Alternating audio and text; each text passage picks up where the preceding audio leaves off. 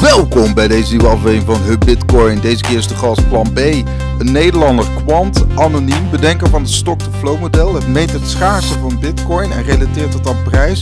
Wat kunnen we verwachten van deze boelmarkt? Hoe lang gaat dat nog duren? Wat vindt hij van het geldsysteem en nog veel meer? Veel luisterplezier en deze aflevering wordt mede mogelijk gemaakt door kraken.nl en coinmotion.nl. Welkom Plan B bij Hub Bitcoin. Fijn dat je ons te woord wil staan. Uh, ja, laten we beginnen met eigenlijk nieuws dat je bij je vorige werkgever, kan ik zeggen, uit dienst bent getreden. Je bent eigenlijk een vrij man, kun je zeggen. Hoe ben je tot dat besluit gekomen? Want ik weet dat je vorig jaar liet je het al een beetje doorschemeren in het interview met Madelon Vos. Uh, dat, dat het qua tijdsdruk behoorlijk wat van je vergt. dus hoe, hoe voelt dat? Ja, best wel allereerst dank dat ik bij jullie eh, mag zijn. Helemaal prima. En mm. um, ja, die, die stap naar, naar het vrije leven was er inderdaad eentje die er uh, best wel een beetje zat aan te komen. Omdat, uh, ja, ik heb tot nu toe, eigenlijk sinds ik dat artikel over heb gepubliceerd in, in 2019 in maart. Mm -hmm.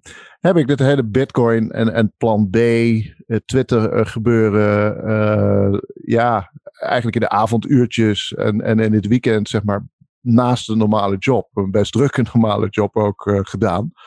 Ja. En ja, de, ja, zoals je ook kan zien, de laatste maanden is dat, uh, is dat natuurlijk enorm geëxplodeerd. Nu die koers omhoog gaat en uh, nou, dat model behoorlijk gevolgd wordt. En ja, je, je ziet het aan mijn volgersaantallen ook. Het explodeert. Daar zitten ook allemaal direct mails en opportunities achter. Mm en heel veel van die opportunities moet je voorstellen als je voor een financial uh, bank of verzekeraar werkt, dan, dan mag je geen nevenfuncties hebben. Dus dan moet je alles waar je uh, nevenactiviteiten, zeker als het betaald is, moet je opgeven en overleggen met legal and compliance. En dat, ja. ja. Dat, dat heb ik ook altijd gedaan. Maar betekent ook dat je niet, niet heel veel ernaast kan doen. En ehm, ja, nou ja, dat, dat, dat is nu anders.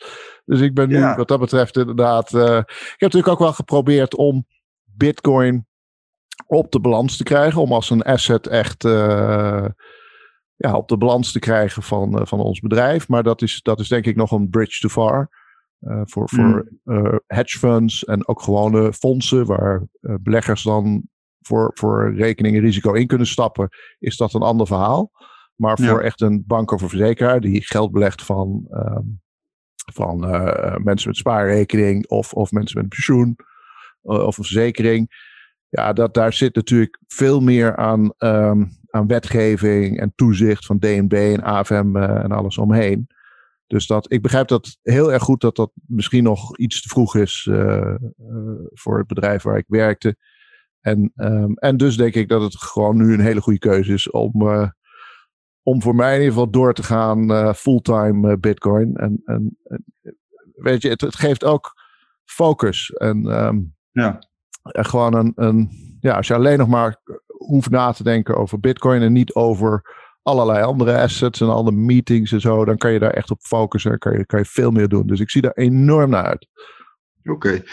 Nou, eh, goed om te horen. Nou, e-, even nog één stapje inderdaad terug over, die, over je werkgever. Want kun je daar een schets van geven? Want het, ik weet dat je, je had ook een managementfunctie. Het was in ieder geval een institutionele belegger in Nederland. Eh, ja. kun je iets zeggen over het profiel en ook eh, wat, wat voor discussies er over Bitcoin, Bitcoin uh, uh, waren? Ja, eh, nou, als je kijkt naar mijn hele carrière, de afgelopen 25 jaar, uh, is allemaal in traditioneel finance geweest. Dus ik heb wat jaren op een dealingroom rondgelopen, wat jaren een bankbalans gerund, verzekeringsbalans, pensioenbalansen. Um, en ook in mijn laatste functie dus als, als onderdeel van het team, um, wat, wat een, een grote balans van ongeveer 100 miljard belegde.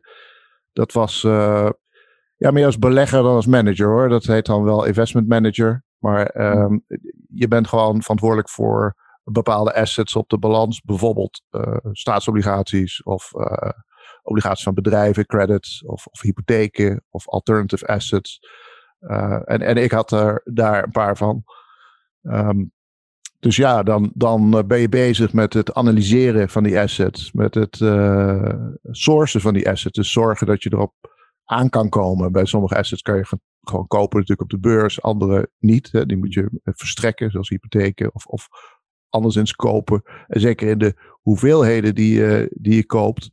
Dat is bij ons dan vaak, was dat uh, ja, toch wel aankoopprogramma's van miljarden. Ja. Um, ja, dan, dat, dat gaat natuurlijk niet in één dag. Dus daar ben je, daar ben je best een tijdje mee bezig. Uh, nou, en, en, en de hele asset-liability mix van zo'n uh, van zo'n balans. Van wat, hoe, hoe ja, ziet zo'n portefeuille eruit? Al die assets. Uh, hoe, hoe zitten correlaties daartussen? En hoe matcht dat met de liabilities die daar tegenover staan? Dus super interessant. Ook echt mijn hobby. Hè? Ik ben, ik ben hmm. al als tiener met, met beleggen bezig. Dat heeft me altijd geboeid. Het risico-rendementspel. Ja. Dus uh, ja, en, en dan kom je dus ook automatisch op Bitcoin op enig moment. Want dat, ja, dat wordt ergens opgeschreven, wordt ergens genoemd. Ga je de whitepaper lezen. En uh, ja, als belegger uh, kom je vanzelf op dat pad. Want kun je nog het moment herinneren dat je voor het eerst hoorde van Bitcoin? Was dat dan privé of zakelijk? En, en in welk jaar was dat ongeveer?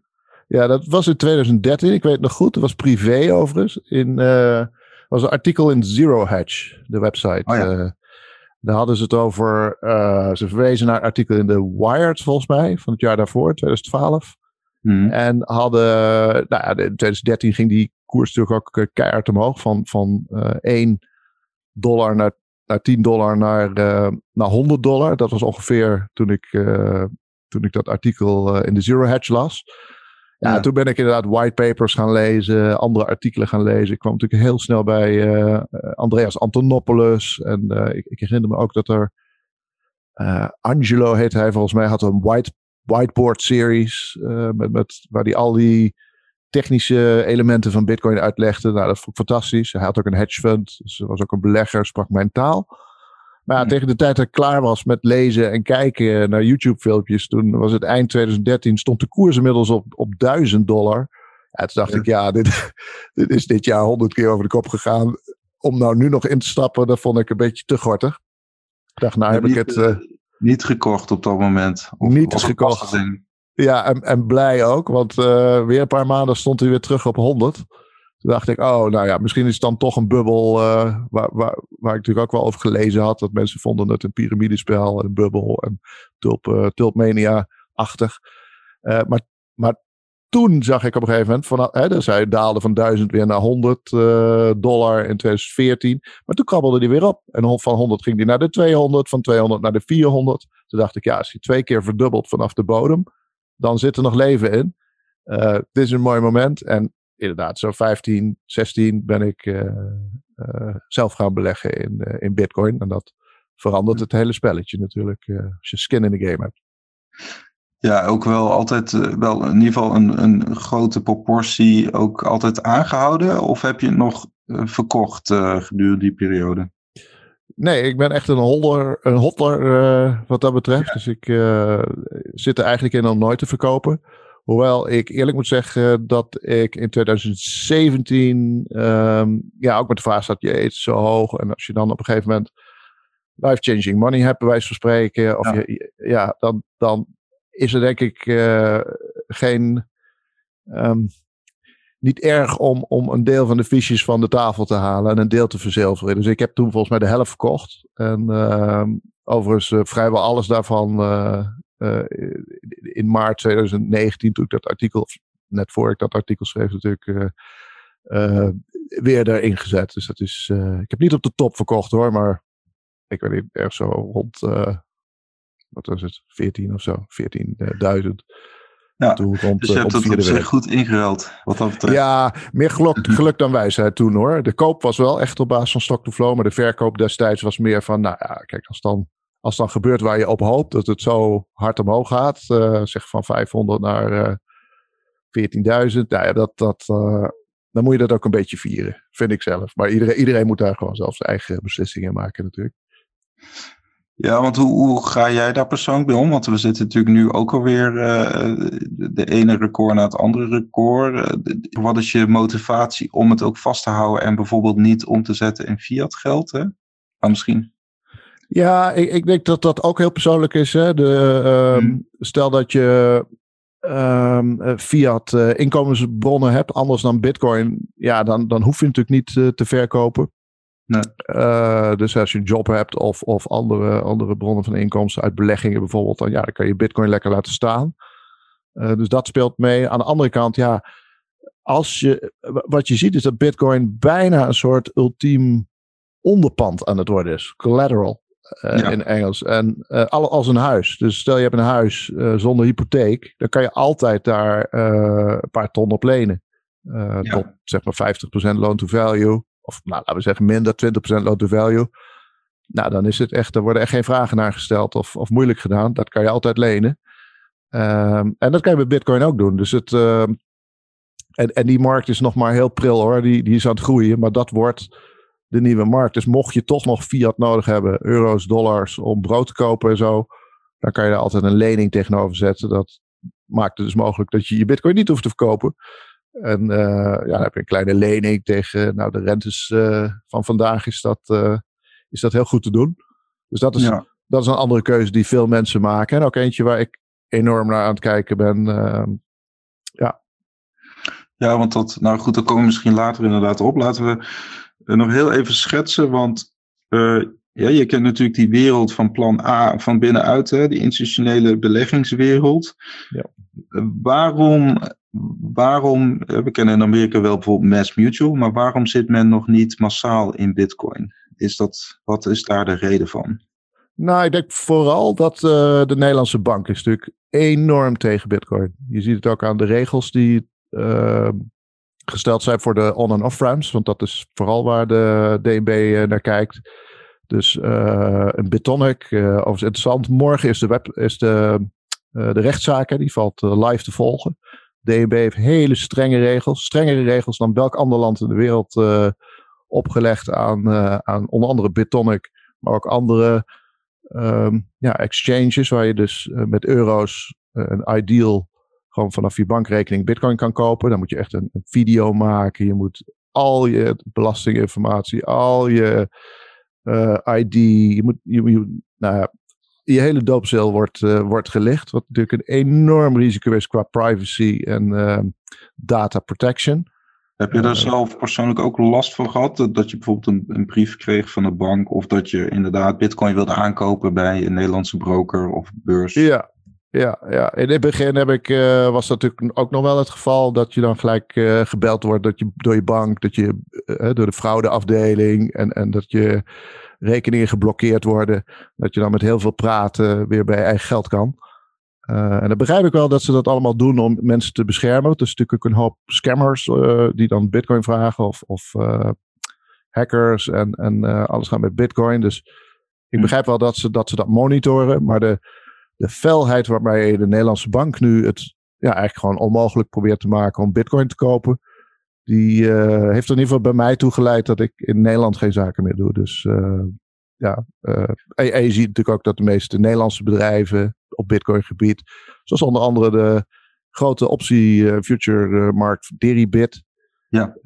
die zijn gewoon weggegaan. Die hebben de juridische zetel verplaatst naar een ander land waar, waar ze iets meer um, ja, met, met uh, technologische informatie, uh, innovatie hebben en, en iets meer ook uh,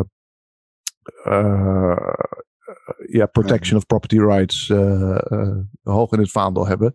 DNB is echt ja, aan het proberen de markt kapot te maken. En dat allemaal onder het mom van witwassen en anti-money laundering. Nou, dat, denk het aantal witwassers wat je pakt met de regels die zij maken, dat is heel gering. En de risico's die je neemt, ook fysieke risico's van mensen, eh, van, van gegevens van bitcoin-kopers die dadelijk op straat komen te liggen. Uh, Denk ook aan de GGD, de COVID-testen. Uh, ja. alles wat de overheid doet, uiteindelijk komt het op straat. Uh, ja, dat is in, bij Bitcoin niet fijn als je gegevens uh, op straat liggen van, oh, ik heb net Bitcoins gekocht, want dan valt het in handen van criminelen. En ik denk dat de nou ja, weet je, de, de Nederlandse bank is daar vrij, vrij eenzijdig in. Die hebben maar een heel uh, smal belang. Maar ja, ik, ik, had in ieder geval verwacht van de Nederlandse overheid dat ze wat breder belang zouden hebben. Dus ook data privacy, ook de, de mm -hmm. uh, ja, de, de, bescherming van, van burgers, fysiek ook. en niet alleen die ene witwasser pakken, die overigens dom is als die bitcoin gebruikt voor, voor zijn witwassen. Want ja, alles staat op de blockchain en alles is uiteindelijk traceable. Ja, maar, want wat, wat is voor jou persoonlijk dan bijvoorbeeld het uh, alternatief? Uh, ga, koop je dan bijvoorbeeld uh, in een ander Europees land je bitcoin of doe je dat buiten Europa? Mag ik daar... Wat is... Ja, dat, dat, dat, daar zal ik geen namen noemen in ieder geval. Maar er zijn natuurlijk heel veel grote exchanges. Ik heb met vrijwel alle grote exchanges wel contact op, op, ja, op management level, maar ook de OTC-desken. En ehm, je moet je voorstellen dat met een ja, eh, account als dat van mij, wat nu best wel groot is geworden, dan word je ook heel veel benaderd voor uh, om samen te werken. Of joh, als je, als je ooit een keer wat wil kopen, verkopen, dit zijn onze special rates, bla bla bla. dus ja, nee, ik heb voldoende alternatieven, om het zo te zeggen. En eh, ja, in die zin is het natuurlijk ook gewoon een global markt. Dus waarom zou je bij. Ik, begrijp dat het veilig voelt voor heel veel mensen om bij een Nederlands bedrijf wat te kopen. Gewoon vanaf je rekening uh, daar geld naar over te kunnen maken. Maar ja, het is eigenlijk e-, e-, even het maakt eigenlijk niet meer uit waar dat uh, bedrijf zit. Of dat nou in, uh, wij spreken Panama zit, of de UK, of, of wij spreken Rusland of Dubai. Het maakt, het maakt echt helemaal niet uit. Ja, want in het interview met Madelon Vos uh, leek, leek ook wel een beetje door te schemeren in het toekomstbeeld van, uh, van, je, van jezelf. Dat je, dat je ook wel buiten de grenzen kijkt, misschien ook qua woonplek. Is dat dan nog een optie? Hè? Met name als, de, als we in een soort volgende fase komen, fase 5 van, van de adoptie van Bitcoin. Kijk, kijk je dan ook actief naar bijvoorbeeld ja, andere landen die iets Bitcoin-vriendelijker zijn? Ja, heel erg. Ja, absoluut. Uh, en um, ja, ik, ik ben een Nederlander, maar ik ben natuurlijk ook heel veel in het buitenland. Dus het, uh, ik ben misschien heel weinig in Nederland. Uh, maar, dus ik zie ook wel andere landen en hoe ze daarmee omgaan. Ik heb best wel veel contacten in andere landen. Nou, noem, noem uh, Panama hadden we al genoemd. Ja. Maar dat geldt voor het hele Caribische gebied. Denk met name aan de Cayman Islands bijvoorbeeld, waar Raoul Paul zit. Of ja. denk aan Singapore, wat heel cryptovriendelijk is. En ook een overheid is, heeft die heel erg into technology is. Hè, die heel tech-savvy is, zoals ze dat noemen. Ja. Um, allemaal ingenieurs. Dus die hebben het veel beter door dan ja, er toch wat meer... Ja, kijk, wat er in Nederland zit, dat zijn vooral politicologen, juristen socialisten, of uh, sociologen, socialisten ook overigens. Maar de, ja, het, het, is een heel ander level dan wat er in, in nou, bijvoorbeeld Singapore zit. Uh, maar kijk ook naar Estland, kijk naar Malta, kijk naar. Uh, nou, heel, heel, mooi vind ik Zwitserland bijvoorbeeld. Die heeft echt hmm. gezegd als regering. Nou, wij willen het nieuwe Crypto Valley worden van de wereld. En naar Silicon Valley in Amerika. Dus we willen alle wetgeving, alle ja, faciliteiten uh, zo maken dat het heel makkelijk wordt voor cryptobedrijven om een juridische zetel bij ons neer te zetten. Fantastisch natuurlijk dat het ook buiten de eurogebied is, buiten de rijkwijde van de ECB. Ja. Uh, ja, en, en, en, dat doen ze natuurlijk al een hele tijd. Hè, want ze zijn natuurlijk een beetje een, een nou, belastingparadijs. Maar heel veel hoofdkantoren van bedrijven zitten in, uh, in Zwitserland, in Zug en, en, en andere kanton. Ja. Dus dus ja, nee, eh, ik, ik, ik kijk er enorm naar. Ik doe er heel veel analyse. Het is trouwens ook een van de redenen waarom ik uh, gestopt ben uh, met werken waar ik werkte. Hm. Dat, um, dat ik, dit kost tijd. Je moet naar die plekken toe. Je moet met mensen spreken. Je moet je voorbereidingen ja. treffen. Dus nee, ja, ik, ik, ik vind trouwens een heel mooi boek op dat vlak is uh, The Sovereign Individual uit 1997. Oh, ja. Dat is meer dan 25 jaar geleden. Vijf, exact 25 jaar geleden geschreven. En die beschrijft helemaal exact wat er gebeurt met informatietechnology. Die voorspelt eigenlijk ja, soevereine individuen die met, met, internet en computers overal remote kunnen werken. Ook naar landen trekken waar, waar overheden dus service bieden in plaats van uh, disservice. En uh, ja, gewoon het beste land uitzoeken om hun, hun eigen juridische zetel uh, neer te zetten. Ja. Um, ja, die, uh, die voorspelt zelfs, uh, daar wordt zelfs eigenlijk uh, Bitcoin voorspeld. Wat natuurlijk pas tien jaar later, toen is in 2008 is uitgevonden. Maar ook, ook de, de, hele COVID-situatie zoals het nu is, wordt daar uitgebreid beschreven. Het is, het is een ongelooflijk interessant boek om te lezen. The Sovereign Individual. Nou, die, die link nemen, nemen we zeker op in de footnotes. En want ja, wat me opviel, we hebben natuurlijk vorige week ook uh, gestemd hè, voor een nieuw, uh, nieuw um, kabinet, kun je zeggen, um, of parlement. En het, het, viel me op dat je inderdaad drie toch iets meer politiek getinte tweetjes uh, uitdeed. Hè? Want, want ik had, ja, ik had hm. altijd nou goed, hè, je wil feitelijk blijven en, ja. en ineens die tweets, dat viel me op. Wat, wat was daar de, de reden voor?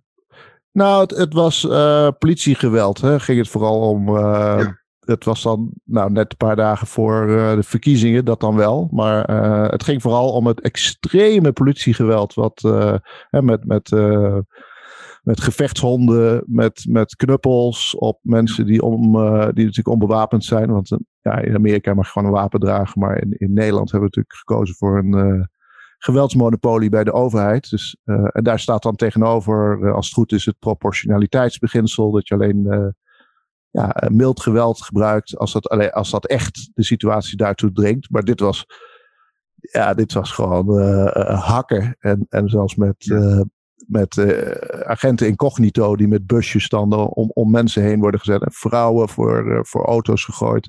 Nou, ik vond het een beetje uh, Belarus-achtige situatie. die, On-Nederlands. Ja. On-Nederlands, inderdaad. En het werd ook niet in de media gezet. Dus het, op de NOS zag je dan gewoon een of ander leuk lala-verhaaltje. Terwijl dat allemaal om de hoek gebeurde. Ik dacht, nou, dat, dat, als je zwijgt op een gegeven moment, dan stem je ook toe. Dus ik, ik dacht, nou, ja.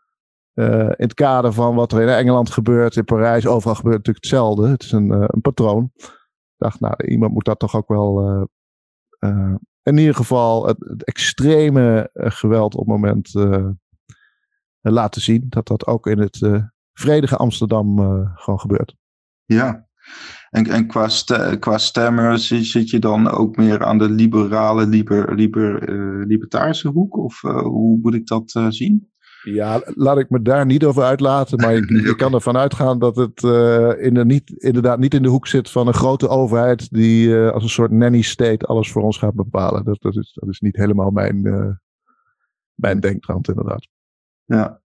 ja, je kunt zeggen dat Bitcoin eigenlijk heel veel ook, hè, dat kijk ik ook naar mezelf, maar Bitcoin heeft natuurlijk, zet, zet altijd de spiegel voor jezelf neer. Hè, en ook hoe je je leven indeelt. hoe, hoe heeft dat voor jou dat gedaan? Hè? Want we, in maart 2019 was natuurlijk het eerste artikel. Hè? Uh, eigenlijk het, het kwantificeren van, uh, van, uh, van Bitcoin, de schaarsheid daarvan. Hoe, kun je misschien iets zeggen hoe het jouw leven heeft veranderd? Jan Kijk. Ja, ehm, ja, misschien. Ja, ik weet niet of het nou veel of weinig is. Ik begon natuurlijk echt als een belegger daarnaar te kijken. Risico, rendement, technisch was het een uniek ding. Mm Heel veel rendement, heel weinig risico in mijn ogen. Uh, of in ieder geval zo te construeren dat je weinig risico hebt. Dus ja, het was gewoon too good to be true. Ik moest dat proberen. En het bleek ook gewoon true uh, as advertised. Dus het, het, dat, dat heeft bij mij niks veranderd. In de zin meer dat ik wel een ultieme belegging erbij had gevonden. het heeft bij mij ook, ook toegeleid dat vrijwel alle andere beleggingen verkocht zijn. Op hoe het goed na uh, dat je, uh, dus dat uh, al het goud is eruit gaan, alle aandelen eruit, alles eruit.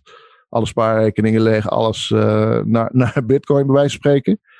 Um, ja. ja. maar voor mijn, maar... leven, mijn leven zelf, ik ben niet heel politiek geëngageerd. Verder, ik lees eigenlijk sinds 1999, 2000 geen krant meer. Kijk niet naar televisie. Dus ik, weet je, het, het is te vaak dat als er op mijn vakgebied uh, dat is dan beleggen en ook een aantal andere dingen waar ik, waar ik eigenlijk niet over kan praten. Dat ben ik makkelijk te traceren. Maar als ik daar uh, krantenartikelen over lees of, of het journaal over hoor, dan denk ik, oh, oh, oh, oh, oh hoe, hoe ver het van de waarheid zit. Hoe ver, ja, hoe, hoe ongelooflijk niet waar en, en oninformatief het is. Ik dacht, nou ja, als dat op alle vlakken gebeurt, ook de onderwerpen waar ik dan geen... Uh, kennis van heb. En dat is bijvoorbeeld uh, gezondheid, biologie en, en, en, medische hoek. Daar weet ik echt helemaal niks van. Uh, ja, ik denk, ja, dan kan ik toch beter naar andere bronnen luisteren. Nou, overigens ben ik wel zo naar Twitter gekomen. Dus dat is wel een denk ik grote verandering. Twitter is wel voor mij belangrijk geworden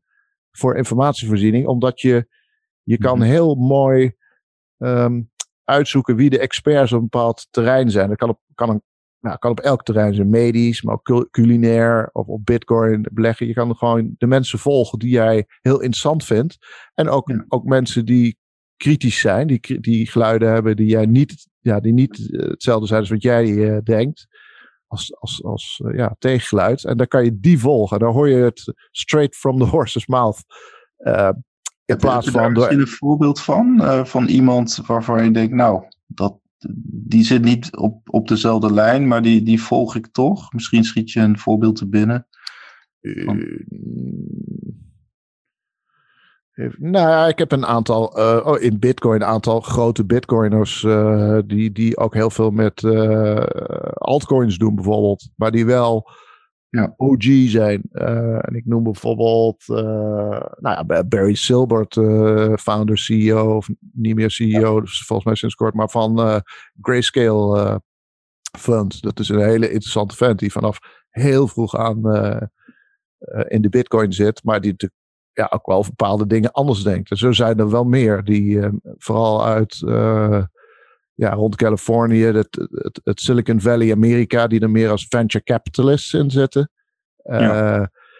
En ja, dat, maar dat vind ik wel interessant om te horen wat, hoe, hoe zij er naar kijken. Of ik misschien niet een foutje maak ergens. Nou denk ik niet dat dat zo is op, op het gebied van altcoins. Maar um, ja, ik vind het wel interessant om die mensen niet niet te gaan, gaan beluisteren, omdat ze op één ding anders denken dan ik. En heel veel andere dingen misschien weer, weer wel hele interessante dingen te vertellen hebben. Ja, oké. ja. ja, bijvoorbeeld ook Paul, hè, die heeft het dan bijvoorbeeld ook over Ethereum, bijvoorbeeld dat soort. Ja. Wat, maar jij bent er vrij duidelijk in, hè? Je zegt, nou ja, ik, ik, je kunt jezelf al typeren als een Bitcoin maximalist in die zin. Toch? Ja, dat klopt. Ja, ik, ja Raoul Paul is, is een goede vriend. Die, uh, die spreek regelmatig ook, ook, met, uh, ook via de WhatsApp en zo. Dus wij, en wij denken er wat dat betreft anders over. Maar ik, ik heb ook wel eens tegen hem gezegd van joh, um, ik begrijp je wel. Want het klinkt misschien raar, maar jij bent waar ik vier jaar geleden was. Toen in 2017, in die hele ICO-craze, toen dacht ik ook van, nou, oh, dat is eigenlijk best wel heel interessant als je bedrijven in plaats van aandelen geven ze gewoon uh, uh, tokens uit. En die kan je dan kopen. En die hebben dan recht op de winst van het bedrijf of, of, of anderszins. En, en dan heb je ook gelijk een market erbij. Dus je kan, doordat het, een, doordat het tokenized is, kan je erop bieden. Kan je het verkopen, is het traceable. Kan je gelijk, gelijk een beurs erbij. Dus het, ja.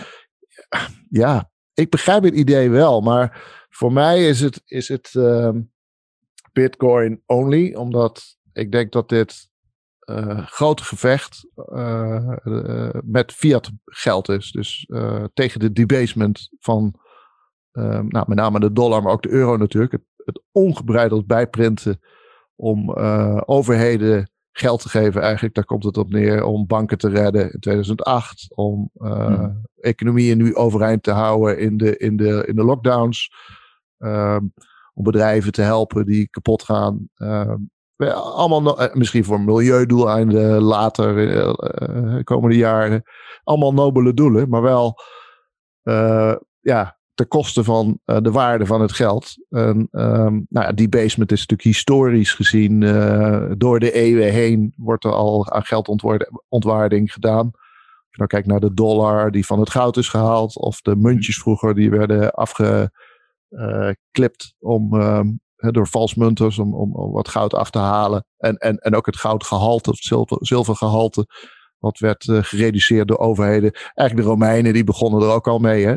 En, en nou ja, als, je, als je het goed leest, dan is bijvoorbeeld het Romeinse Rijk, het einde van het Romeinse Rijk en de splitsing in Oost en West en zo, dat, dat vond exact plaats op het moment dat er zware uh, debasement van de Romeinse dinarius was. En Hm. Ja, dat kan geen toeval zijn. Dus ook, ook, ja, je ziet het eigenlijk door de geschiedenis heen. Zodra een overheid het knopje gevonden heeft om het geld uh, mm -hmm. te debasen, eigenlijk, eigenlijk waardeloos te maken om het bij te printen, dan, uh, nou, je ziet het in Zimbabwe, je hebt het recent gezien in um, Venezuela.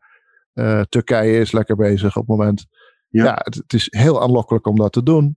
En met Bitcoin kan dat niet. Dus ik denk dat dat gewoon ook voor de wereld zo ongelooflijk belangrijk is dat dat. Ik wil me daarop focussen en niet om alle liflafjes en, en, en, en leuke copy-paste acties van, van altcoins eromheen. Ja. ja, want misschien kunnen we gelijk die huidige, dat huidige systeem typeren. Want hoe, wat, wat vind je daarvan? Jerome Paul, die inderdaad afgelopen week ook zei hè, dat, dat ja, we moeten sowieso uh, tot met 2023 rekening houden met, met lage of negatieve rente. Hij, eh, nou goed, hij herkende wel dat er, dat er inflatie was, maar in zijn ogen uh, zou die inflatie, die officiële inflatie, weer, weer gaan dalen. Op welk punt zitten we op dit moment, als je het ook vergelijkt met, ja, met, met, met de geschiedenis? Hè, want Amerika is natuurlijk als wereldmacht, kun je zeggen dat die is, is aan het inleveren of al, al lange tijd. En de dollar als wereldmunt staat natuurlijk behoorlijk onder druk. Ja, ja, ik kan er een paar dingen over zeggen. Ten hmm. eerste, ik ben natuurlijk jarenlang uh, met centrale banken en quantitative easing uh, bezig geweest. Ik, ik, ik, hmm. ik was bij wijze van spreken de verkopende partij aan de centrale bank, die het dan met het net geprinte geld uh, assets van ons kocht. Dus of dat nou uh, staatsobligaties of hypotheken of, of andere assets waren, dat doet er even niet toe. Maar ik heb aan de lijve uh, ondervonden hoe quantitative easing werkt. Dus niet alleen theoretisch uit een boekje, ik weet hoe het werkt, maar ik zie ook wat het doet in de markt en de grappen die erover gemaakt worden. En ja, op, op congressen dat dan ja. Allemaal verkopers lopen, zoals ik, uh, en maar één koper eigenlijk is. En dat, ja, de, de, centrale bank wordt daar gewoon lachend de only buyer, de one buyer, dat zijn, dat is, dat zijn de termen.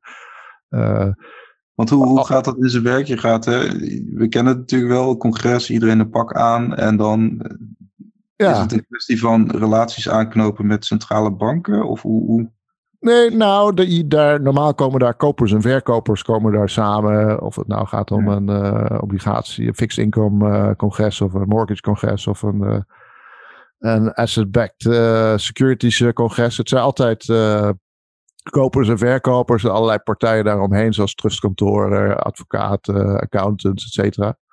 Um, maar met name die kopers en verkopers. Nou, de kopers die, die komen te kopen, de verkopers om te, om te verkopen. Maar je ziet dan uh, dit soort, sinds 2008 eigenlijk op heel veel van dit soort congressen, dat er niet zo heel veel kopers zijn. Uh, behalve de centrale bank die tegen any price dat, dat spul opkoopt. Dus je moet je voorstellen, obligaties, als, dat, als overheden met obligaties kopen en, de, en 80% gaat gelijk naar de centrale bank, ja, dan, dan is de prijs van zo'n obligatie gewoon hoger dan die in een normale markt zou zijn. En als de prijs van een obligatie is de, uh, dan uh, hoog is, dan is de rente laag. En dat is de manier waarop de rente dus ook gewoon laag kan zijn en zelfs negatief op een gegeven moment uh, kan zijn.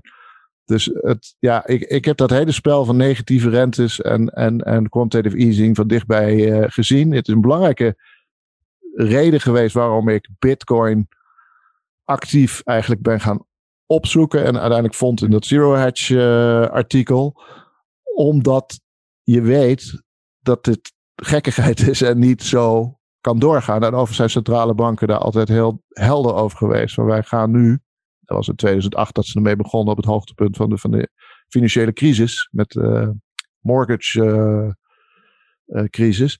Dat die, dat, ja, de, ze hebben daar heel duidelijk gezegd, luister overheden, wij gaan nu ingrijpen, wij gaan nu redden met quantitative easing.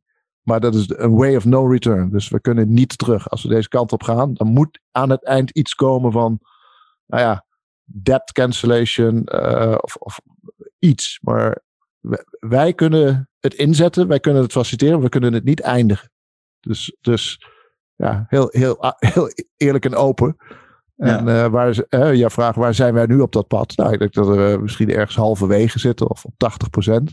Maar langzaam tegen grenzen beginnen aan te lopen. Dat veel meer mensen, ook buiten de financiële sector, denken van ja, uh, ik krijg nu 0% op mijn spaargeld. Of ik moet zelfs betalen op mijn spaargeld is toch eigenlijk wel gek.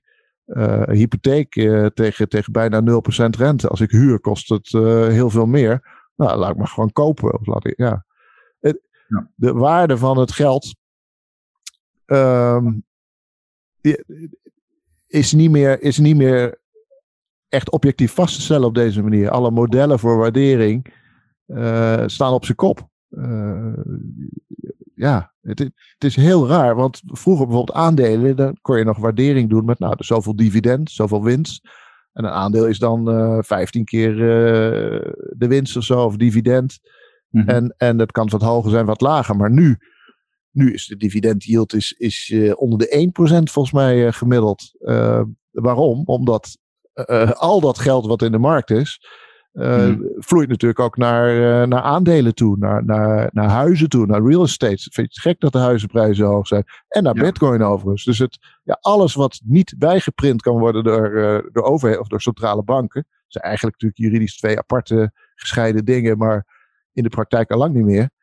Die, ja, het gaat naar, naar schaarse goederen. Vandaar ook natuurlijk dat mijn model die schaarste als fundamenteel onderliggende uh, uh, input pakt.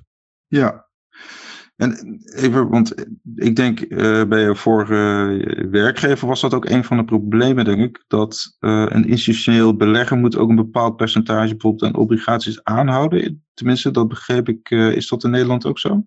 Nou, dat, dat werkt indirect. Dus je moet uh, kapitaal aanhouden. Dus links op de balans staan al je assets, dat zijn je beleggingen. Rechts staan dan uh, nou, al je liabilities. Dat kan spaargeld zijn, dat kan pensioengeld zijn of uh, verzekeringsverplichtingen. en eigen vermogen staat ook rechts. Dus wat ze dan zeggen is van ja, dat is wetgeving die door de Bank of International Settlements en dan guidelines uitgegeven. Die wordt dan in Europa vertaald in Capital Directives.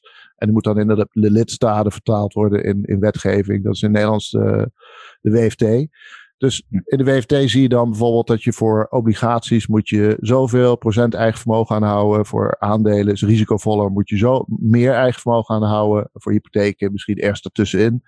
Uh, en voor elke asset mag je ook eigen modellen maken. Dat is natuurlijk helemaal, uh, ja, dat is het spel om dan een eigen kapitaalmodel te maken waarbij je aan kan tonen dat er misschien minder dan het standaard kapitaal vereist hoeft te worden aangehouden. en zo werkt dat dus. En, dan zie je, en daarmee kunnen ze natuurlijk sturen dus, dus, met die wetgeving. En dat doen ze ook. Dus ze hebben staatsobligaties zijn zeg maar 0% gewogen, heet dat dan. Daar hoef je geen eigen vermogen voor aan te houden. Dus je kan altijd beleggen in staatsobligaties. Kost je nauwelijks eigen vermogen. of heel weinig in ieder geval. En in die zin kan je al die programma's, eh, ik noem een Basel-regime uh, voor de bank of Solvency-regimes voor de, voor de verzekeraars, ook wel zien als, als uh, nou ja, marketingprogramma's voor, voor staatsobligaties. Dit, dit voorziet er in ieder geval in dat er altijd een continue vraag vanuit instituten is voor uh, schuldpapier van de overheid. Ja. ja, het blijft natuurlijk een raar fenomeen dat zij zelf ook de regels, de spelregels kunnen bepalen natuurlijk. Ja, dus ze kunnen ja. zelf. Ja. ja, nou ja, uiteindelijk is het allemaal goed bedoeld. Hè? Dus de, de, de stabiliteit van het financiële systeem is natuurlijk heel belangrijk. En je wil niet dat banken omvallen, omdat hmm. ze risicovol beleggen. En dat is natuurlijk wel gebeurd in 2008. En, uh, en, en, ook daarvoor natuurlijk in de, de jaren. Uh, eigenlijk in elke. Het is van alle tijden dat banken dan te veel risico nemen, failliet gaan. En dan zijn spaar, spaarders hun geld kwijt. Um, dus in die zin is het goed dat er toezicht is. Aan de andere kant, en uh, ja, dan wordt het natuurlijk wel een beetje politiek, maar is het altijd de vraag: uh, moet dan een overheid zorgen dat alle banken safe zijn, zodat mensen niet meer hoeven na te denken en overal hun geld kunnen neerzetten? Uh, in het vertrouwen dat de overheid uh, hun geld bewaakt. Of dat in sommige landen, volgens mij in Australië is dat al veel meer, is er ook een soort eigen uh, onderzoeksplicht bij, uh, bij mensen. Dat nou ja, als je geld neerzet bij een klein bankje wat een hele hoge rente biedt, ja, dan mag je ervan uitgaan dat het ook meer risico is. En, en wil je minder risico ja. lopen, dan pak dan die hele grote bank. Lees eens even hoeveel eigen vermogen ze hebben, wat hun solvabiliteit is. Ik, ja, ik vind wel eigenlijk dat je daar ook wat mag verwachten van uh, beleggers en spaarders zelf. maar goed, dat, dat is in ieder geval in Europa niet de situatie. Maar je kunt wel zeggen, kijk, zolang die centrale banken aan het bijdrukken zijn, is dat dan goed nieuws voor, voor de waardering van Bitcoin? Kun je, kun je die uitspraak doen of zit het, ja. is het niet zo lijnrecht? Ja, nee, nee, nee. één op één. Dat is absoluut waar. Er zijn heel veel mensen overigens die dat niet zo zien. Dat zijn vaak, uh, dat is een bekende schrijver in Amerika, hoe heet ze, Francis Coppola of zoiets. Die heeft een heel boek geschreven, Quantitative Easing. En die zegt ook van nee, het, het, is eigenlijk helemaal niet waar dat ze geld bijdrukken. En het heeft ook helemaal geen effect op de markt. maar goed, diezelfde mevrouw die denkt ook dat als je een pizza in twee deelt, dat je dan twee pizza's hebt. Dus ja, ja, ja. Het, het, zijn heel vaak de tegengeluiden uh, daartegen. Dat zijn mensen die heel ver afstaan van die, van die banken. En, en eigenlijk nooit uh, onder, onder, onder capital regimes of, of met centrale banken en quantitative easing hebben gewerkt. Um, maar wat ik zie is gewoon dat ze met het geld wat geprint wordt dingen kopen. Ze kopen een bank, ze houden een, een, een nou, noem een ABN AMRO in, in Nederland overeind. En die, ja, die was anders failliet gegaan. Inclusief uh, alle mensen die daar werken, die zijn dan werkloos. En ja, die hebben dan geen geld meer om dingen te kopen. Laat staan bitcoin. Dus in die zin heeft het wel. Het redden ja. van een bank heeft heel duidelijk gevolg voor, uh, voor uh, de economie. En bijvoorbeeld in Amerika zie je dan nu met COVID. En trouwens in Nederland zie je het ook. Dat is natuurlijk de, niet COVID zelf, maar ja, de extreme maatregelen, lockdowns, curfews, et cetera. Die hebben ja. natuurlijk een geweldig effect op de economie. Ik geloof dat iets van 50% van met een kleine bedrijf nu uh, kapot is, of in ieder geval de komende zes maanden kapot gaat. Ja, dat wordt dan gered of in stand gehouden met, uh, met overheidsgeld, wat ze natuurlijk niet hebben, dus dat is geprint geld. Ja, als je dat niet doet, als je niet redt, uh, dan, dan, gaan de, ja, dan hebben al die mensen geen geld meer. En dan hebben ze ook, ja. kunnen ze geen spullen meer kopen. Gaat de economie nog verder en dan krijg je dus deflatie. Hè? Dus het, uh, ja. het je, je, humanitair is het fantastisch dat ze het doen. Ze hadden misschien niet moeten verbieden in the first place. Maar uh, linksom of rechtsom, dat geld wat ze printen, komt wel in de economie. En daar zijn er vaak woordspelletjes. Hè? Dan zeggen ze nee, het zijn niet de overheden. Uh, maar het, het, zijn, de centrale bank print het geld en dat doen ze zelf om, uh, ja, zoals hun mandaat dat vereist, om de inflatie een bepaald peil te houden. Maar uh, ja, dus dat is niet gericht op het redden van de economie en dat geld wat dan overheden krijgen, ja, dat dat dan toevallig bij de banken of bij de, bij de bedrijven die gered wordt komt, dat, uh, dat heeft verder geen effect. Maar ik, joh, ik, ik mm. zie het gewoon om me heen, wat, wat het wordt gewoon rechtstreeks gekocht. Ik denk, de rentes zouden veel hoger zijn geweest als er geen uh, money printing zou zijn. En je kan het zien aan ja. hoe de centrale bankbalansen groeien over de hele wereld. Hè? De ECB, de Fed. Dat gaat echt sinds COVID helemaal stijl omhoog. Ja. De, het, het is ongelooflijk. En, en de, een trillion is echt heel veel geld. Hè? De, nou, met de trillions tegelijk gaat het, uh, gaat het nu. En kan je, ja, en ik kan je zeggen, het, een deel van dat geld gaat gewoon uh, naar Bitcoin. En, uh, en misschien ook wel. En, en, ook naar aandelen overigens. Want ja, een, een bedrijf wat. Uh, wat leningen, wat, wat geld krijgt, die kan daarmee eigen aandelen inkopen. Wat ze ook massaal doen. En ja, aandelen kopen betekent prijs omhoog. En aandelen inkopen bijna dubbel, prijs omhoog. Maar het, ja, dus je ziet op alle mogelijke vlakken dat het, dat het uh, verstorend werkt in de markt. En, uh, maar persoonlijk vind ik het fantastisch, want de Bitcoin-prijs uh, is er zeker bij gebaat. Ja. ja, laten we inderdaad over het model gaan hebben.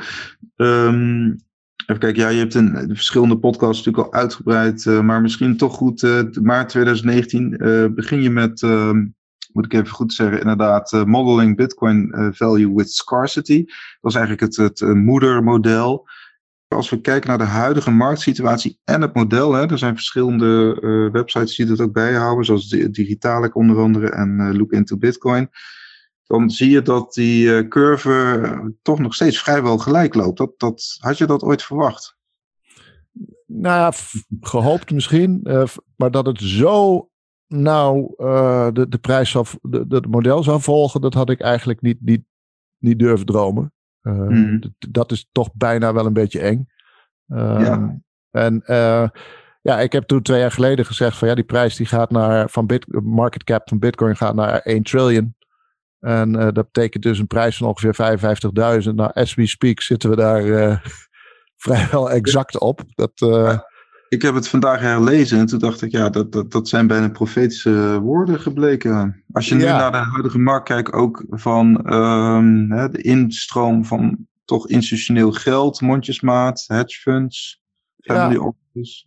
Heb ik toen ook gezegd, hè, van ja, maar toen was het eigenlijk ondenkbaar. Hè? Ik heb het zelfs nog naar beneden afgerond toen de parameters, ook om het makkelijk onthoudbaar te maken. 0,4 maal stok de flow tot de macht 3. Uh, ik heb achter de komma dan weggelaten, de 3,3 of 3,5 uh, die er nu staat. Omdat ik het, ja, in die tijd was de prijs tussen de 3 en de 4000 dollar. Toen ik het model publiceerde en maakte. Ja. En, en iedereen had het erover, was, was echt op de bodem van de bear market. En iedereen had het erover dat het door zou naar beneden zou dalen naar 1000 of daaronder. Dus ik was echt een hele vreemde stem in dat geheel. En, en ik dacht van ja, 55, het klinkt gewoon ook echt te bizar voor woorden. Dus ik heb. Uh, uh, en, en als je het niet zou afronden, kwam je inderdaad nog wat hoger uit. Zo in, inderdaad rond de 100.000. Dus uh, je ziet ja. dan dat de latere modellen. Hè, mensen begonnen het ook na te rekenen. gelukkig hebben, riep ik ook tot, tot op. En daar ben ik heel blij op dat het gerepliceerd wordt. Dat ik niet de enige ben die het model maakt. en ook ik kan foutjes maken natuurlijk. Dus uh, nou, iedereen kwam toch ook wel een beetje hoger uit dan ik. Op, uh, nou, ik heb modellen gezien van 70, modellen van 90, modellen van 100. Uh, laten we zeggen 100.000 uh, is, is zeg maar waar het, waar het uh, makkelijk naar door kan hobbelen. En dat geloof je ook nog steeds, hè? Als, je de huidige, de, als we kijken naar de huidige marktsituatie, we hebben natuurlijk die 61.000 aangeraakt. Uh, we zien natuurlijk steeds meer ja, ook letterlijk kapitaal uh, naar die markt gaan. Hè? Of het nou ja. Equities is uh, in bedrijven of, of inderdaad uh, beursgenoteerde bedrijven die bitcoin kopen. Is dat. en eigenlijk zei je ook van ja, dit is eigenlijk nog maar het begin van een boelmarkt. Hè? We zitten eigenlijk pas sinds december 2020 in een boelmarkt. Ik vond dat opmerkelijk, want voor mijn gevoel zaten we eigenlijk vanaf april 2019 begon het al een beetje op te, Nee. april 2020. Ja, ik heb, ik heb dat meer gehoord, maar uh, april 2020, dat is de maand nadat COVID dat gat had geslagen in de economie en de bitcoinprijs. Uh, ze zijn toen enorm omlaag gekukeld. Het was echt een soort, COVID was gewoon een black swan event als het ware. Uh, geeft een enorme outlier op elk model, ook op het stock-to-flow model. Ja, en, en de maand daarna klapte dat weer terug. Dus dat was financieel van korte duur. maar dat is niet het begin van de boelmarkt. Ik denk, ja, als je, je zou kunnen zeggen, die decembermaand was de eerste maand dat het boven de uh, vorige all-time high sloot. Dus dat, dat is. En ja, om eerlijk te zijn, ik heb, vind dat grappig, want er wordt mij altijd gevraagd om, om het stock-to-flow model en uh, de, heel veel vragen over wat ik allemaal, of wat ik, wat ik heb geschreven en gezegd. Maar er wordt nooit gevraagd naar wat ik, uh, wat ik niet schrijf en wat ik niet zeg. En, en nog meer doe. Mm-hmm. Uh, en, en ja, ik denk dat van alle modellen, modellen die ik heb, heb ik Stock-to-Flow gepubliceerd. Maar ook heel veel dingen niet. En uh, met name al het on-chain analyse werk. Daar, ja, daar heel af en toe doe ik eens een plaatje of iets. Maar dat, dat is eigenlijk wel de ba ja, het, het, het belangrijkste wat ik, wat ik op het moment doe. En uh, het is juist ook daar dat je heel mooi en clean uh, kan zien wanneer een boelmarkt start. Uh, wanneer bearmarkt er zijn. En ja, ik, ja ik, ik heb al eerder ook gezegd van geef mij een week met on-chain data. Dus met, met gewoon um, transacties van de. Ja. en, en dan kan ik je zeggen of we in een boelmarkt of bearmarkt zitten. Even los van prijs. Ik hoef niet eens te weten wat de prijs of, of de markt te doen. Alleen die on-chain data kan je al zien of het markers heeft van een bull market of een bear market. Dus mede op basis daarvan heb ik ook gezegd van nou nee, december was de eerste echte bullmaand. Ja, want je draait zelf ook een node, hè, begrijp ik. En je hebt het dan zo geprogrammeerd dat je die data gewoon direct uh, kan bewerken, toch? Zo... Ja. Ja, ja, ik vind het hartstikke leuk. Ik vind het eigenlijk het, het leukste wat er is. Een beetje nerden met data. En uh, ja, die uh, 350 gig aan uh, Bitcoin data, dat is een, een, ja, een treasure. dus daar kan je zo fantastische dingen uithalen. Dus ik, ja, nee, ik heb een note en een, En dan heb je misschien een recent, een recent briljantje wat je misschien uh, alvast een beetje wilt delen. Uh, iets van de afgelopen weken wat je hebt gezien in de on-chain data? Of? Ja, ik, ik ben eigenlijk met het hele on-chain verhaal heel uh, scheutig met informatie. Omdat ik dat zelf gebruik voor mijn eigen beleggingen. ja. Dus het, het stock-to-flow is wat ik wil delen. en ik wil daar wel bij zeggen, dat heb ik ook in tweets al eerder gedaan, dat de shortage, hè, de, de, de mhm. feit dat er gewoon tekort is, het supply is gewoon limited op 21 miljoen bitcoins. En, en elke halving komen gewoon minder nieuwe coins bij. En dat geeft een bepaalde druk op de prijs, op, op de markt. Van ja, er zijn er gewoon minder.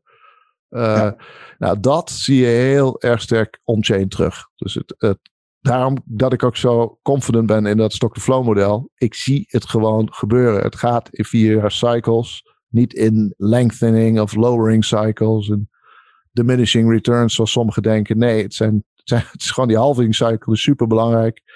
En uh, het tekort is gewoon ja, de drijvende kracht achter, uh, achter de prijs, uh, de opwaartsbeweging van de prijs. En ja, ja, want de huidige stock to flow, als ik kijk, dan zit die. Als je kijkt naar de tiendaagse, dan zit hij op 52. En als je kijkt naar de jaar, zit hij op 40. Ja, ik, ik, moet eerlijk zeggen, ik vind het per dag of per maand kijken naar die stock to flow. Het is leuk. En het is ook heel gaaf om te zien hoe dat trackt over de afgelopen twee jaar. Maar um, eigenlijk wat het model voorspelt, is natuurlijk een, een gemiddelde over die periode um, van, van een halving cycle. Dus uh, als je stock-to-flow model uh, pakt, is dat 100.000 dollar over de periode mei 2020 tot, uh, tot 2024, wanneer de volgende halving is. Ja. En als je stock-to-flow X, het cross-asset model, bekijkt, dan is dat 288.000, laten we zeggen afgerond 300.000 dollar gemiddeld over die hele periode. En, ik, en dat is denk ik daar, dat is, dat is belangrijk, dat is de informatie. Niet niet wat nou precies nu de prijs is uh, en, en de modelprijs. Hoewel, als u natuurlijk ver boven die 300.000 zit, dan, uh, ja, dan, uh, dan, kan je vanaf, dan, dan, kan je afvragen of dat lang zo blijft. En ook als die er ver onder zit, dan daar, daar, daar kan je wel wat mee als belegger. Maar het gaat om het gemiddelde. Ja, want, want als je kijkt, hè, want inderdaad in april 2020 heb je het tweede model geïntroduceerd, het, cross, het stock-to-flow asset model. Daar heb je zeg maar uh, de tijdreeks heb je eruit gehaald en heb je inderdaad de stock to flow van Bitcoin vergeleken met, of geplot moet ik zeggen, met die van goud en zilver.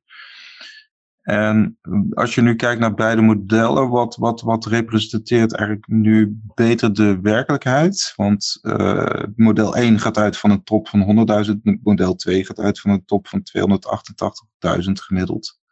Ja, dat weet ik natuurlijk niet. Uh, Dat zal moeten gaan blijken. Maar uh, tot nu toe trekt het de, beide modellen perfect. Uh, het is alleen dadelijk de vraag van waar stopt hij? Of gaat hij rond die 100.000 zitten of rond die 300, rond die 288.000 zeg maar? Dat, dat wordt de vraag. Maar de, het pad daar naartoe is hetzelfde. Dus je kan eigenlijk nu nog niet zeggen of het stock-to-flow of stock-to-flow X het gaat worden. Maar mm.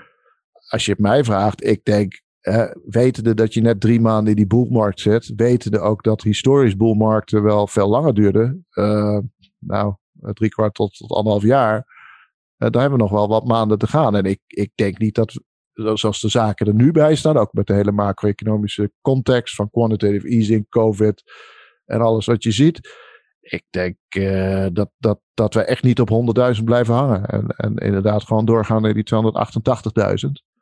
En daarnaast, ja, ik, ik ben toch wel heel erg uh, fan van, van het Stockflow X model, omdat je daar kan um, interpoleren in plaats van extrapoleren. Dus je, met Stock-to-Flow model, het oude, dan ga je uh, nou ja, die tijdreeks afmaken met hogere stock-to-flow natuurlijk. En daardoor ook een hogere prijs conform het model. Maar we hebben die prijzen niet eerder gezien. Dus dit is, de Bitcoin is mhm. nog niet op 100.000 of een miljoen geweest. Dus het, is een beetje uncharted territory.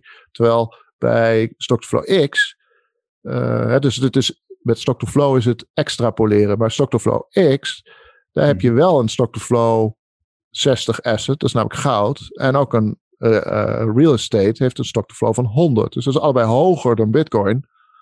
En daardoor kan je binnen de data van het model, waar het model op gemaakt is, kan je uh, interpoleren in plaats van extrapoleren. En dat is altijd zoveel betrouwbaarder. Mm Dat, uh, ja, ik, ik, zou het heel raar vinden als dat hele pad van Bitcoin, eigenlijk die, die vier fases die we gehad hebben, uh, dat, dat zit op dezelfde lijn als, de, als, als die andere vier uh, assets: zilver, goud, diamonds en real estate. Ja. Als dat pad, uh, als Bitcoin enorm gaat afwijken van dat pad, dat lijkt mij, dat is voor mij eigenlijk ondenkbaar. En interpoleren betekent eigenlijk het, het, het onderling vergelijken van die van, van de, de, de correlatie. Kun je dat zo zeggen? Nee, nee, nee. Interpoleren betekent eigenlijk dat je binnen de data range blijft van data die gebruikt is voor het maken van het model. Dus, uh, dus, ja. dus voor Stock to Flow heb ik data gebruikt tot en met, uh, god wat was het, februari 2019. Nou toen was Stock to Flow 25 volgens mij ongeveer. Nou, en de rest is voorspelling dan. We zitten nu op 55, maar de, het model is niet gemaakt, heeft geen datapunten met Stock to Flow 55. Dat is echt geëxtrapoleerd op het model. En ja. met Stock to Flow X, uh, dat model is gemaakt op de datapunten van die andere assets. Dus met datapunt van goud, Stock to Flow 60 en een datapunt van uh, real estate met Stock to Flow 100. Dus die, dat zit in de data range waarop het model gemaakt is. Als wij nu, nu zitten we op 55, nou dat zit mooi nog onder die 60 en onder die 100. Dus dat, ja, dat geeft wel heel veel vertrouwen.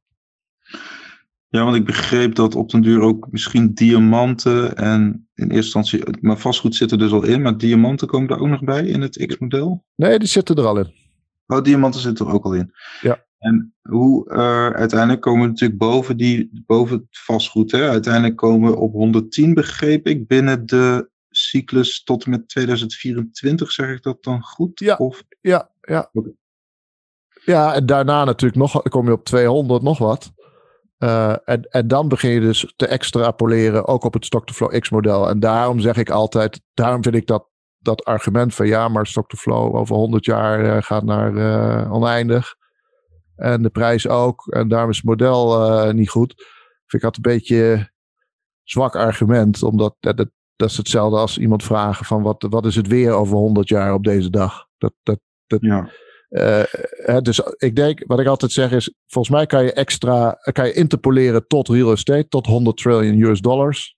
Trouwens een mooie naam vind ik dat. Maar, maar Ja. die, uh, dat is geen toeval, maar die, uh, ja, en daarna, daarna moeten we echt zien, dat, ja, daarna weet ik niet of het model nog werkt, want dan, ja, eerlijk gezegd weet ik ook niet of dan de dollar nog een reserve currency is. ik verwacht eigenlijk niet meer op dat moment als, als Bitcoin ja. echt evenveel waard wordt als goud en daarna evenveel waard wordt als uh, al het hoe het goed in de hele wereld, nou, dan denk ik dat, dat de dollar uh, dan is. En dan kom je in een fase waar Bitcoiners uh, spreken over hyper-Bitcoinization. Ja, precies. Dat is dan fase 6. Hè? Je kunt zeggen fase 5. Daar gaan we nu een beetje. Fase 5, wat houdt dat volgens jou in? Want we zien natuurlijk bijvoorbeeld Pakistan uh, wil gaan minen. We zien uiteraard Iran, Venezuela al die, uh, die dat ook al doen en het ook gebruiken voor settlements. Nou ja, goed, we zien inderdaad in Turkije dat er steeds meer interesse komt onder de bevolking. is dat, zijn dat allemaal fase 5 ontwikkelingen? Wat je ziet? Ja, ja, ik weet natuurlijk niet precies hoe dat eruit gaat zien, maar fase 5 is, uh, hè, daar gaan we dus voor goud. Voor, daar zitten we nu in. En fase 6, dat, dan zullen we voor, voor real estate gaan. Een beetje op dat level. Mm-hmm. Hè. Uh, en fase 5, ja, wat je nu ziet, is natuurlijk instituten die in gaan stappen. Dezelfde banken die altijd op Bitcoin gescholden hebben. En CEO's die mensen ontsloegen. Zoals Jimmy Dimon van JP ja. Morgan. Die, die ontsloeg mensen die in Bitcoin zaten van JP ja. Morgan. En nu hebben ze net een heel positief stuk geschreven. Hebben ze een trading desk geopend. Gaan ze custodian doen. Het is, hebben ze een beurs gekocht in uh, Azië. Dus het, ja. het, kan binnen een paar jaar omslaan. Hè? Dat zie je nu overal gebeuren. Fidelity, uh, die al, al, jaren erin zit. Al die hedge funds die uh, de een naar de ander erin gaan. Dus dat is blijkbaar wel echt een, ja, een element van, van fase 5. Wat we zeker niet in fase 4 hebben gezien. Ja, fase 6 zou dan misschien uh, overheden of centrale banken inderdaad kunnen zijn die, uh, die toch als eerste weer eens een, een teen in het water stoppen qua bitcoin. Ja, want verwacht je ook toch ook Nederlandse partijen die. Want we zien toch heel veel nieuws is heel erg georiënteerd toch op Amerika. Hè? Misschien dat de Amerikanen ook wel iets meer naar buiten willen treden met, uh, qua marketing met Bitcoin. Ja. Weet je bijvoorbeeld ook vanuit jouw oude eh, positie dat uh, of er ook al Nederlandse partijen zijn? Ik geloof dat ING en ABN Bitcoin custodian service aan het onderzoeken zijn. Ja. Maar die zullen op dezelfde Nederlandse bank stuiten als, uh, als alle andere grote bitcoin bedrijven. En, en nee op request krijgen. Dus ik eerlijk gezegd, uh, en misschien komt het ook omdat ik steeds, zelf steeds internationaler georiënteerd ben. Natuurlijk via, via mijn Twitter account. Uh, het aantal Nederlandse ja. volgers is, is vrij klein. eerlijk gezegd denk ik dat Nederland de strijd al verloren heeft. Mm. En eigenlijk niet meer materieel mee gaat doen. hier, daar hebben ze voor gekozen. Oké. Okay. Oké, dan. uh, maar inderdaad, het Stock-to-Flow X-model. Uh, uh, komt daar nog een update van? Of komt er nog een soort derde variant? Of hoe, hoe moet ik de. Ja, we zijn natuurlijk benieuwd naar je volgende artikel. Ja, ja, I know. Ja, nou, ik, ik moet mij nu een beetje gaan beraden op wat, wat ik ga doen. Er liggen ja ongelooflijk veel opportunities. Uh, heel veel mensen ook die met mij willen praten. Nou, jij bent daar één van. en, uh, ja. Maar er zijn er te veel. Die, die, uh, dus ik moet, ik moet echt keuzes gaan maken, wat wel, wat niet. dat geldt ook voor de opportunities. en en een newsletter is, was een van de dingen waar ik een polletje over gehouden heb. Ja. En wat, wat aardig, waar heel veel vraag naar is. Dus, maar ja, het kost natuurlijk wel allemaal werk. En uh, daar ben ik nou juist vanaf. Dus ik wil vooral ook uh, nou, een paar maanden even rust nemen. Mm -hmm. en, en boeken lezen waar ik tot nu toe niet aan toegekomen ben. Mensen spreken die ik uh, al een tijd niet gesproken heb. En ook ja, echt wat, wat analysewerk op, op het gebied van on-chain analyse bijvoorbeeld doen. En, en het uitzoeken inderdaad van jurisdicties en, en, en belastingwetgeving, et cetera, van verschillende landen hoe, hoe dat spel gaat lopen. Dus, ik, dus je, je, gaat wel verhuizen, begrijp ik. Dat, kun je dat ja, zeggen? Ja, ik, ik denk dat dat eerlijk gezegd een logische conclusie uh, gaat worden voor heel veel bitcoiners. Of ja, hm. sovereign individuals, als je ja. zo zou willen noemen. De groep wat breder makend. Dat dat ja, in fase 6 speelt. Dus ik moet mij natuurlijk bezig gaan houden nu met fase. We zitten in fase 5. Ik denk dat iedereen wel ziet wat. Maar ik moet mij bezig houden met fase 6. Wat gaat daar gebeuren? Uh, wat zijn de markers? Wat, wat, ja, ik denk stock to flow zelf. Ja, wat kan je nog toevoegen? Zoveel assets zijn er niet natuurlijk boven de, met de stock to flow van groter dan één. Nee. Ja, art, art zit ik naar te kijken, maar heb ik niet de toegang tot de database. Ik weet wel hoeveel het waard is, maar niet hoe die, uh, die meeste werken erin en eruit zijn gegaan. Dus die, die is er wel hoor. Maar dat, dat zou ik heel graag doen, want dat is echt een grote markt ook, 3 triljoen. Um, maar ja, voor de rest is het nu gewoon sit and wait. Kijk, kijk hoe het uitwerkt. En uh, ja, of het gevalideerd wordt of, of toch weer niet. Dat we toch ergens afbuigen. Dat kan natuurlijk nog steeds, als het model fout is. Maar ik, ja. ik, ik ga mij nu storten op uh, verdieping, um, opportunities, on-chain analyse en uh, ja, echt de, de analysefase in. En ik, ja, ik heb ook wel eens gezegd van misschien is het wel het handigst als ik gewoon dark ga. Want dan dan heb ik daar natuurlijk nog veel meer, uh, meer tijd voor. Ja, ja en de, de, de, toch even over die on-chain analyse. Want uh, naar welke indicatoren kijk je? Kijk je bijvoorbeeld ook naar de inflow of outflow vanuit exchanges? Of, hè, want het, het, het, het, het concentreert zich op die scarcity van de verhandelbare bitcoin, denk ik ook. Hè? Nee, ik, ik sluit niks uit. Dus wij kijken naar alles. Uh, alles wat uh, voorspelbaar uh, of interessant patroon heeft. En het zijn indicatoren die je niet ergens anders ziet. Dus bijvoorbeeld bij een Glassnode of een econom, hoe heet dat? Coin, Coinmetrics. Ja. Er zijn meer van die clubs die het doen. Maar het zijn vooral, wat ik zie is vooral dat daar da dat zijn dataleveranciers. Dus daar kan je inderdaad zien uh, hoeveel uh, adressen er zijn met één bitcoin of 100 bitcoins of 1000 bitcoins en zo. Uh, ja, dat is heel veel data. Wat wij hmm.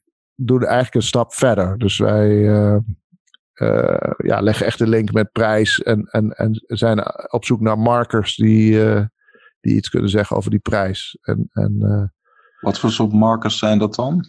Ja, het is, een beetje een technisch verhaal. Ik denk dat het te ver gaat voor nu, maar degene met een artificial intelligence achtergrond, die, uh, die zullen het herkennen als uh, feature, feature engineering, feature extraction. Dus je probeert uit die data uh, ja, heuristieken te maken dat die uit die data features trekken. Dus, dus inderdaad, in, ja, hoe moet je het lastig uit te leggen, maar bepaalde uh, metrics. Of, of, Ja, ja, ja, die dan zelf weer input zijn voor, uh, voor de modellen. Dus het is grove. Uh, je probeert van de, de bak data zodanig input te maken dat het, dat het begrijpelijk is voor onszelf. En ook mooie input voor statistische modellen als, als, als ook artificial intelligence modellen. En, en je zei Word, dus je werkt denk ik samen met iemand? Of? Ja, ja, ik, ja, de plan B is mooi brandname, maar de groep begint zich aardig uh, uit te breiden. Ik uh, sta er niet alleen voor. Hoeveel, uh, ja, hoeveel poppetjes moet ik denken? ja, laat, laat ik daar niet te veel over zeggen. Maar nee. ik heb een behoorlijke quant-team om me heen. Want, want een van de modellen, hè, je hebt het over, had het over een betaalde nieuwsbrief, maar ik kan me ook zoiets voorstellen, iets wat bijvoorbeeld Willy Hoe ook doet, hè, maar ook misschien een soort subscription service op, op, op, op zo'n op zo'n analyse, on-chain analyse. Ja. Uh. Ja, dat, dat kan best lucratief zijn. Dat wees die poll ook uit. Alleen, um, ja, de, het probleem is eigenlijk dat het ook heel veel tijd kost. En uh, die tijd kan je weer niet analyse doen. En ja, de, de waarheid is natuurlijk dat je met die analyse en, en het beleggen van de gelden die we nu beleggen, ja, factoren meer kan verdienen dan met een nieuwslettertje of een, uh, of, uh, ja, of iets anders. Dus dat, het begint ook wel. Ja, het begint ook wel een beetje. Uh, ik, ik blijf natuurlijk een belegger en, en, uh, en doe de analyse voor het beleggen. Ik ben minder een schrijver en een educator misschien dan de meeste mensen denken. Dus ik, ja, ik vind het ook vooral leuk om ja. die analyse en beleggingen te doen. Ik probeer zoveel mogelijk te delen, maar kan natuurlijk lang niet alles delen. want dat zou mijn eigen beleggingen schaden. Ja, want een van de, dat, dat zei je in het gesprek met Preston uh, Pierce. Uh, eigenlijk een van de kansen die er nog liggen, maar dat is denk ik meer voor professionele beleggers, dat zijn die cash and carry futures. Ja. En je had het over een arbitragevoordeel van 15 tot 20 procent. Kun, kun je uitleggen hoe dat werkt? Een beetje een Jip en Janneke taal. Hè? Want, want je neemt ja. eigenlijk een dubbele positie in hè? op spot en op future. Maar ja, goed, jij kunt dat beter uitleggen. Ja, ik denk trouwens dat we wel richting een uh, afronding moeten gaan. Ik zie dat wel weer ja. Uh, ja, dik over het uur zitten. Maar uh, nee, ja, ehm, passive income strategie is een andere echt wel focus naast dat chain analytics. En dan Mhm. praat je vooral over inderdaad de, de meest obvious zijn de cash and carry met futures. Dus je kan nu een bitcoin kopen voor uh, 57.000. En ik kijk voor de grap eventjes. Future is uh, in september is 64.000. Dus daar zit uh, 7.000 tussen. Je moet wel dan tot september wachten. Maar ja, uh, in dollartermen heb je dan gewoon 7000 euro verdiend. En, um, en met eigenlijk heel weinig risico. Eigenlijk nul risico. Dus nou ja, op de, het risico op de beurs dan.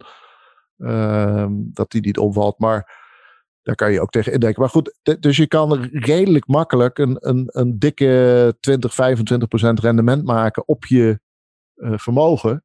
Als je een future uh, cash and carry strategie uh, uitvoert. En dat is natuurlijk heel erg interessant. Zeker als je kan lenen tegen minder dan die 20 procent. Nou, dat kan vrijwel iedereen. En, en, zeker als je contacten hebt en je kan lenen tegen negatieve rente. Dus dan krijg je rente van daar waar je het geld vandaan haalt. En uh, je krijgt rente op je future cash and carry strategy. Dat is super interessant om gewoon je, uh, je vermogen mee, uh, mee op, te, op te kloppen. En hetzelfde geldt voor um, covered call writing. Dus dan schrijf je opties. Opties zit één, dat zijn volatility instrumenten. Dus dat de bewegelijkheid. En dan zie je bij Bitcoin dat daar toch vaak ja, implied volatilities op zitten van boven de 100%. En dat, dat, dat is extreem veel. Dat zien wij natuurlijk ook allemaal in de koers dat het extreem volatiel is. Maar voor opties betekent dat dat ze heel duur zijn. Dus als jij een at the money optie schrijft, nu een call optie, dan krijg je bij wijze van spreken uh, 40% in plaats van die 20, 25% met cash, cash and carry, krijg je 40 tot 45% koolpremie. ja, en daarmee doe je eigenlijk aan volatility harvesting. Dus je, je, je moet dat ook gewoon lekker laten uitlopen. Daarmee geef je wel de upside natuurlijk op. Je maakt 40% en geen gemiddeld 200% per jaar uh, wat Bitcoin doet.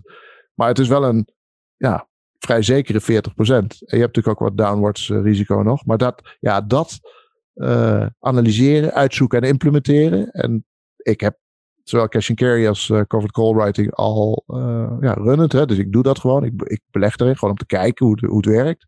Doe je dat dagelijks? Dat, uh... Nee, nee hoor. Nee, nee. Dat is gewoon, uh, je, je, klikt één keer, dat voorbeeld wat ik net noemde van september. En dan, uh, ja, dan is het gewoon sit and wait. en dan pak je die 7000 en dan rol je hem door of, of doe je wat anders. Maar nee, het is eigenlijk een hele simpele strategie. En ehm, wat me wel heel leuk lijkt, is om bijvoorbeeld een fonds op te richten wat dit doet. Voor wat dan, want voor veel mensen dan natuurlijk, begrijp ik, futures en optiemarkten best wel ehm, exotisch zijn. Uh, en uh, je maakt ook makkelijk fouten hoor. Dus het, het, het, is best wel risicovol. Dus je moet echt wel weten wat je doet. Ik zou eigenlijk geen enkele retail belegger aanraden om dat te doen. Nee. Maar, maar het is wel voor, ja, voor professionele beleggers is super, super interessant, super leuk, super raar ook om te zien dat er zulke grote uh, premies zitten in die future en optiemarkten. Ja, dat zou je dan beschikbaar kunnen stellen voor, voor iedereen. Ja, en dan, hè, want denk 20% rendement, dat, ja, voor hedge funds is dat misschien haalbaar, maar voor de meeste mensen is dat, is dat bijna ondenkbaar. Ja, dat, dat zou zeker heel erg groot kunnen worden. En, uh, maar ook, daar, hè, het, is, het is allemaal weer werk. Het is allemaal weer. Uh, moet allemaal maar gedaan worden. Ik krijg een hoop gedoe met uh, toezichthouders. En, en, dus ik, ik denk dat het beste is om dat gewoon met een, met een private pool of money te doen, waar je al dat soort dingen niet hebt. Ja. Oké, dus um, en hoe, uh, nog, een paar laatste vragen dan inderdaad. Hoe, hoe ga je eigenlijk inderdaad om met, met toch die, die soort, je bent anoniem, maar hoe ga je om met die bekendheid eigenlijk? Hè? En inderdaad al die, ja, die continue verzoeken, voor, voor, je bent voor sommigen soort, toch een soort halfgod. Uh, hoe, hoe ga je daarmee om? Ja, dat is een goede vraag. Ik weet, ik, ik besef het denk ik zelf helemaal nog niet. Zo, ja, steeds meer hoor. Omdat natuurlijk uh, uh, aan, aan de comments en aan de vragen. Maar ik, ja, ik blijf gewoon wie ik ben. Ik doe gewoon wat ik doe. Um, ik zie mezelf helemaal niet als een halfgod. Gewoon een Hollandse jongen die, uh, die artikel heeft geschreven.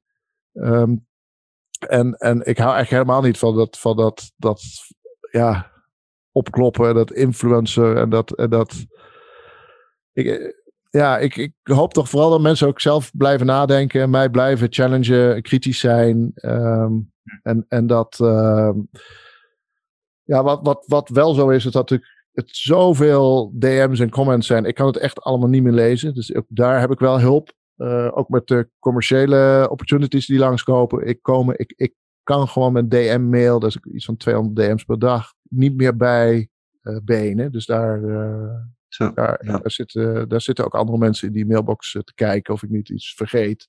En die halen daar gewoon de, de krenten uit. Dus ja, het wordt wel zaak nu om het te, of gewoon dark te gaan, of om het iets meer te structureren dan het, dan het nu gaat. Ja, want toen, toen Twitter eruit lag, hè, twee weken geleden, ook, ook jouw account lag eruit, was dat misschien want ja, wat zijn de overwegingen om helemaal inderdaad te verdwijnen, uh, te, in dark te gaan, inderdaad? Ja, nou, dat was mijn eerste gedachte toen. Van, oh, nou, uh, dat is dan een mooi moment, een mooi natuurlijk moment om dark te gaan. Um, ja. Maar uh, dat account was eigenlijk snel weer terug. Ook omdat Billy, die, was, die lag er ook uit en een paar anderen. Dus die, die had al, die had Twitter al aangeschreven. En het, het was natuurlijk allemaal één grote poging van Twitter om voor al die scams en impersonators af te komen. Die onder elke tweet van mij hangen, hangen er wel vijf of zes uh, would-be plant-based. Die proberen je geld af te troggelen met mijn petje en alles. Dus dat, ja, dus dat uh, juich ik ook wel toe hoor, dat Twitter dat doet. Maar goed, daar hadden ze mij natuurlijk meegenomen. ze, ja. de echte accounts ook uh, uitgeveegd. Dus dat hebben ze heel snel weer rechtgezet. Maar ja, ja dus, dus dat, dat zijn de gekke dingen waar je dan mee, mee te maken krijgt. Ja, het is wel schrikken natuurlijk. Ja, ja, best wel. Aan de andere kant dacht ik, oh nou, dan is dit gewoon het moment. Uh, dark en uh, dan ga ik lekker door met, uh, ja. Oké, nou, heel erg dank Plan B voor, voor je tijd en de toelichting. ja, goed, volgens mij wordt het nog een mooi jaar voor Bitcoin als we, als we alles zo meenemen. Uh, misschien, ja, je had het over, de laatste vraag, je had het over inderdaad uh, dat je dan ook uh, wat tijd neemt, wat rust voor jezelf. Um, wat, wat zijn voor jou dingen om dan te, ja, te lezen? Heb je bepaalde tips misschien voor, voor mensen? Je hebt het over Sovereign Individual onder andere. Ja, voor mensen, als je, als je de whitepaper nog niet gelezen hebt van Satoshi Nakamoto, dat is absoluut het begin natuurlijk. Dat, dat moet je gelezen hebben. Daarna de Bitcoin Standard van uh, Severin Amous. Must read. Sovereign Individual ben ik nu in bezig. Maar ik, ik ben aan het eind. Dus uh, ja, het is ongelooflijk interessant dat dat toen in 1997 allemaal al uh, voorspeld is. When Money Dies is een andere. Ook uit 1973 volgens mij. Het gaat over de Weimar Republiek. Geschreven vanuit mensen die toen daar geleefd hebben. Een soort dagboek was het. Ja, het is alsof je nu leeft. echt een heel gaaf boek. Um, en daarnaast, ja, ik zit even te kijken. Ik, ik wil heel graag de Asimov-trilogie nog een keertje lezen. Dat gaat over, is een beetje futurologisch. Uh, maar het gaat over het, ja, uh, meerdere planeten en, en, en hoe traders en groepen daarin. En hoe je mens, hoe je individu, individueel gedrag niet kan voorspellen, maar groepen mensen wel. En dat, ja, dat spreekt me natuurlijk wel aan. Uh, en als ik de lef heb ervoor, dan wil ik Annie Rand, de Russische filosoof uh, van Atlas uh, Shrugged, uh, een keer lezen. Maar dat schijnt nauwelijks door te komen te zijn. Maar het lijkt me geweldig om dat Atlas Shrugged boek eens een keer beter te pakken. Oké. Okay. En qua, ja, ik, het is misschien een gekke vraag, maar wat, wat voor muziek om, om te ontspannen? Of doe je nog andere dingen om te ontspannen, zeg maar? Wat voor muziek zet je op? Ja, heel breed. Maar waar ik heel lekker op uh, programmeer, investeer, uh, trade en, en, en ook wel lees is uh, eh, DJ Regard. En dan een beetje die, ja, die beats, smooth beats. je moet maar eens kijken. Het is, het is van, van, die dance music. vind ik heerlijk. Okay. Maar aan de andere kant vind ik klassiek, bijvoorbeeld Chopin, vind ik fantastisch. om, okay. om, te lezen ook. DJ Regard en Chopin. Ja. Heel verschillend. Is, is, is genoteerd. Nou, dankjewel uh, nogmaals. En uh, nou, succes met, uh, met ook uh, tot rust komen. En even inderdaad met alle andere werkzaamheden die op je afkomen. Ja, Wessel, jij bedankt. Was, ja. was leuk om het zo weer eens in het Nederlands te doen. Dat was hem weer. Bedankt voor het luisteren naar Hub Bitcoin. Voor het laatste nieuws ga je naar bitcoinmagazine.nl. En deze aflevering wordt mede mogelijk gemaakt door knaken.nl en coinmotion.nl. Hold on.